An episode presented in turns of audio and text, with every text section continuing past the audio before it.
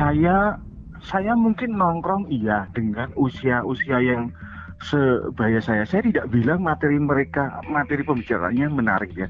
Misalkan kongko di pos jaga dan segala macam itu kan kegiatan bapak-bapak banget gitu ya. Tapi semakin ke sini pendengarnya itu semakin mengecil. Artinya mungkin orang mendengarkan radio terestrial yang dengan menggunakan gelombang frekuensi itu hanya orang-orang seusia saya. Tetapi itu pun jumlahnya tidak banyak. Apakah charger itu ada yang beli atau tidak? Ya itu perkara yang lain gitu. Tetapi sekali lagi karena saya jadi koki. Nah sekarang di podcaster saya jadi diri saya sendiri. Saya mau masak apa saja terserah gitu ya.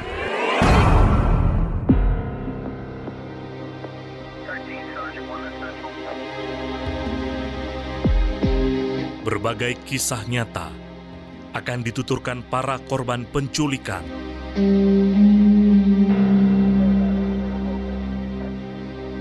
Kisah yang selama ini belum pernah diungkapkan.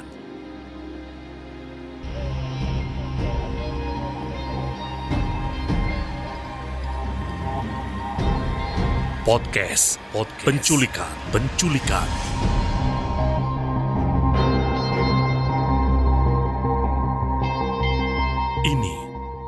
Bukan tindakan kriminal. Ini adalah kisah nyata.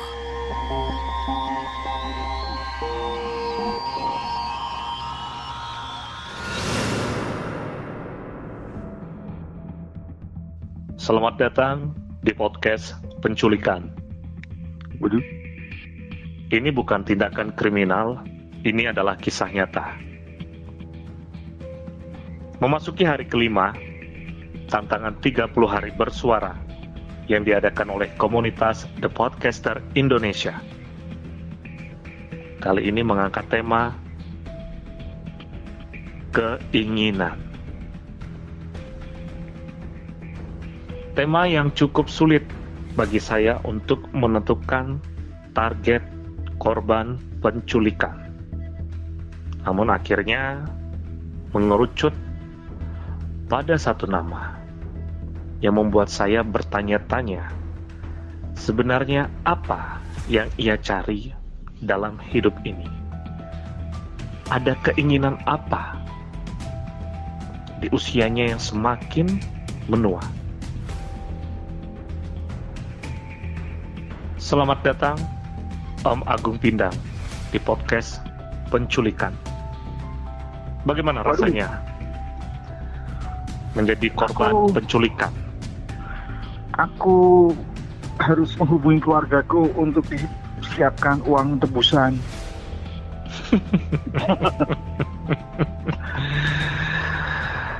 Ya, gimana nih? Anda Saya yakin sudah sudah siap? Oh siap, kenapa tidak? Oke. Dan segera kabari keluarga Anda untuk menyiapkan uang tebusan. Oke, Om Agung. Ya. Usia Anda berapa sekarang? 47. 47. Iya, Sebentar lagi sudah memasuki 50. masih tiga tahun lagi kali, masih lama. Tiga tahun itu bukan waktu yang lama. Waktu Iya. terus berputar. Di usia yang sudah di angka 47, saya penasaran. Hmm. Anda masih saja mengikuti komunitas-komunitas yang mayoritas anggotanya ini adalah anak-anak muda yang berusia belasan hingga 20 tahunan. Bisa Iya. jadi seusia dengan anak Anda. Sebenarnya apa yang Anda cari dalam hidup ini? Oh gitu ya. Oke. Yang saya cari, eh, apa ya? Saya pengen hidup ini itu apa ya?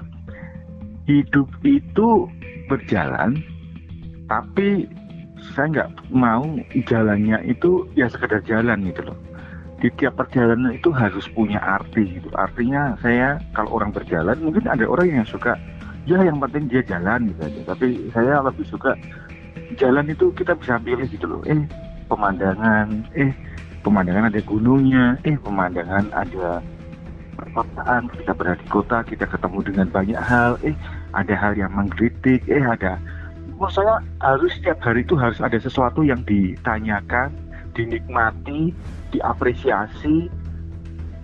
Selain buat saya saya nggak bicara jauh-jauh apakah apa yang saya lakukan itu bermanfaat buat orang lain tapi paling nggak bermanfaat untuk hari-hari saya ya.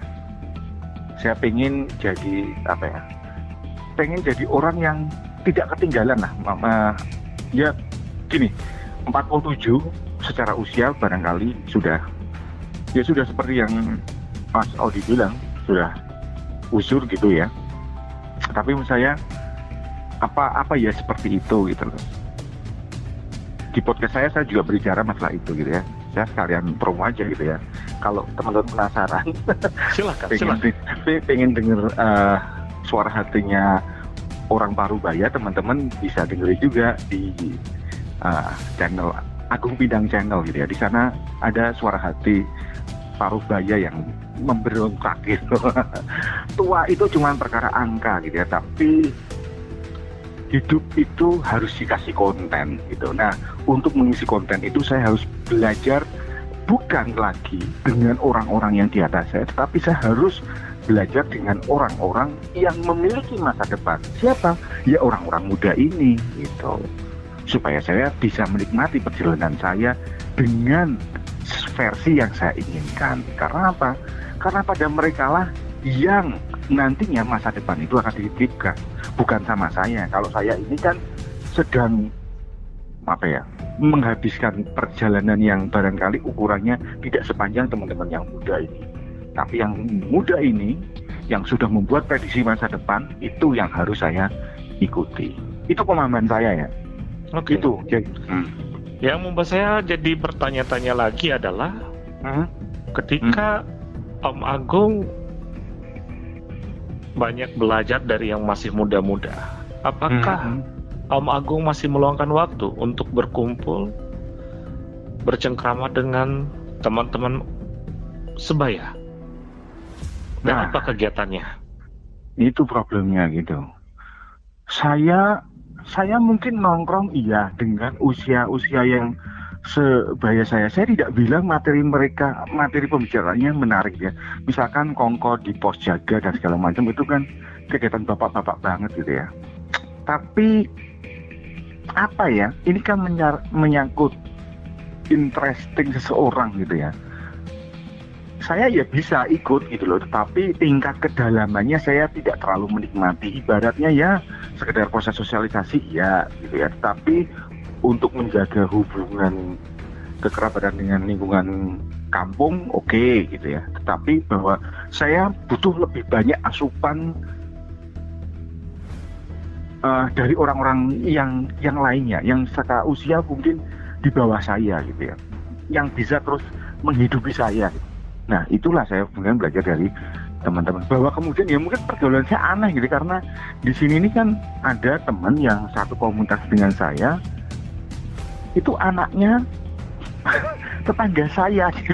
Jadi kalau saya ngobrol sama bapaknya tapi di salah satu sisi saya akrab sama anaknya gitu. Padahal hmm. itu anak sudah dari mulai take, take apa kecilnya aja saya tahu gitu loh hmm. dari mulai sampai sekarang sampai bergabung dalam komunitas segala macam ya nggak apa-apa ya. Kalau dibilang apa ya kok nggak apa sih orang tua mungkin mungkin. Tapi kayaknya sekarang juga nggak ada sih.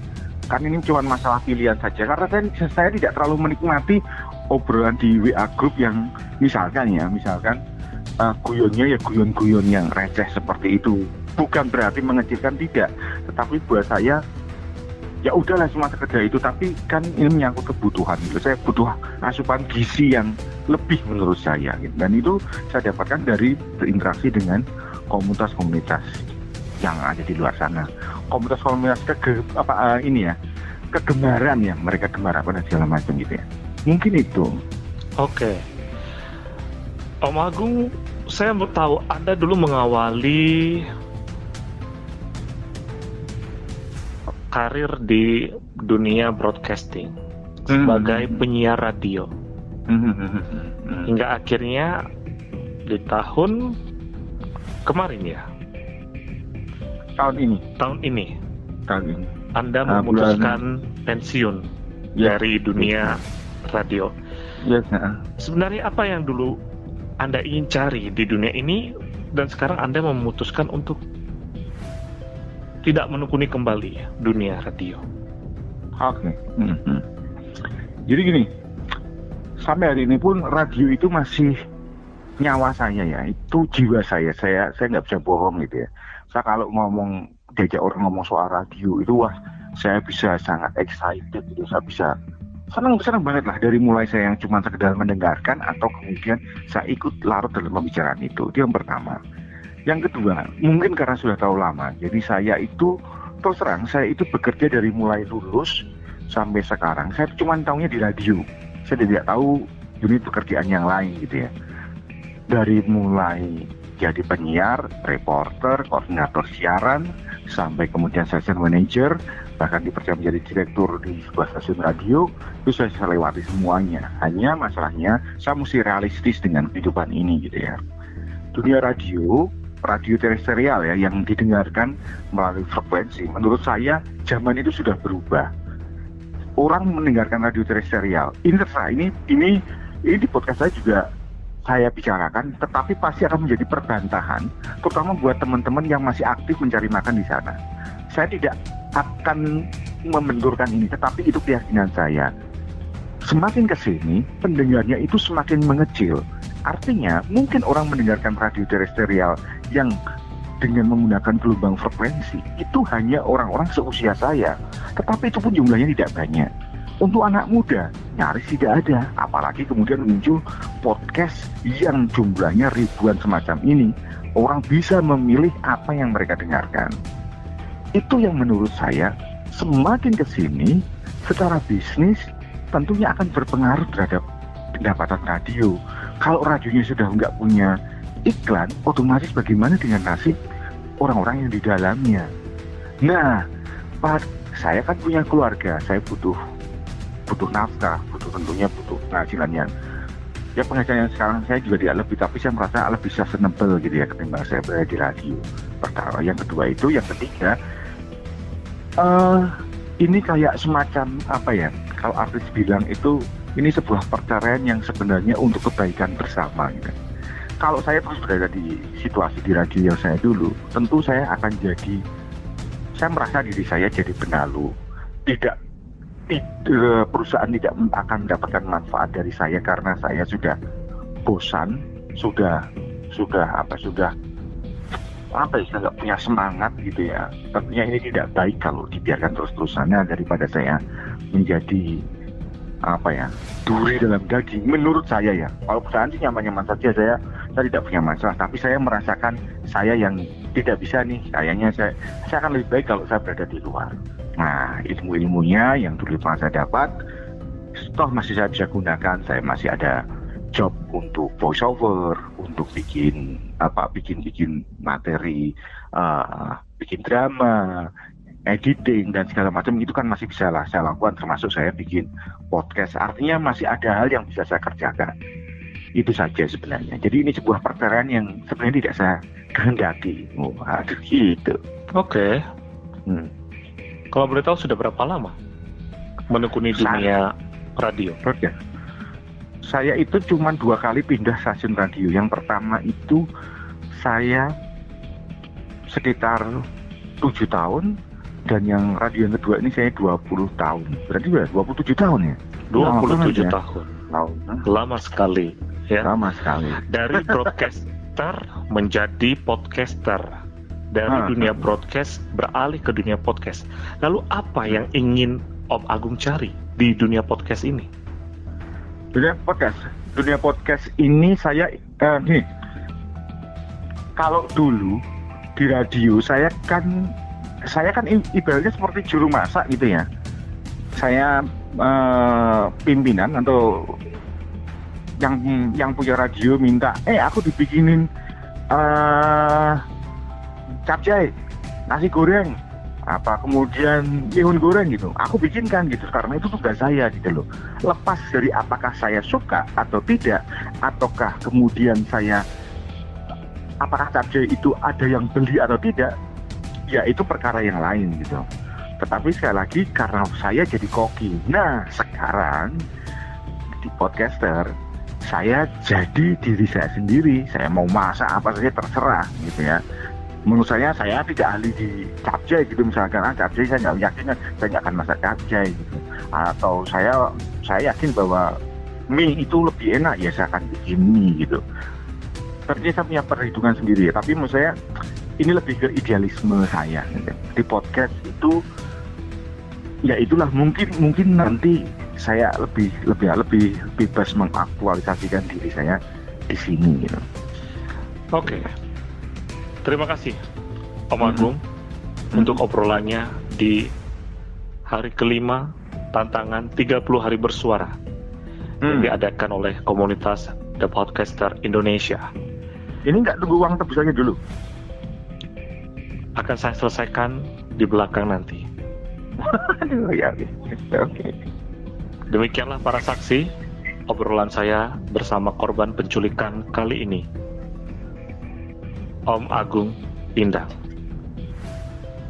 Tantangan Yui. sudah saya terima dan diselesaikan. Hati-hati dan waspada. Siapa tahu Anda korban penculikan berikutnya.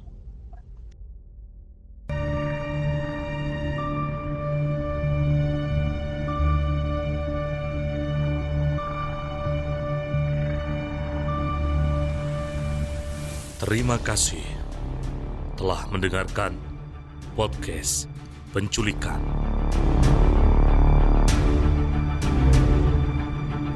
Siapakah korban penculikan berikutnya?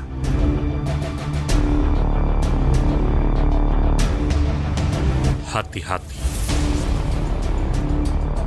Bisa jadi Anda yang akan saya culik.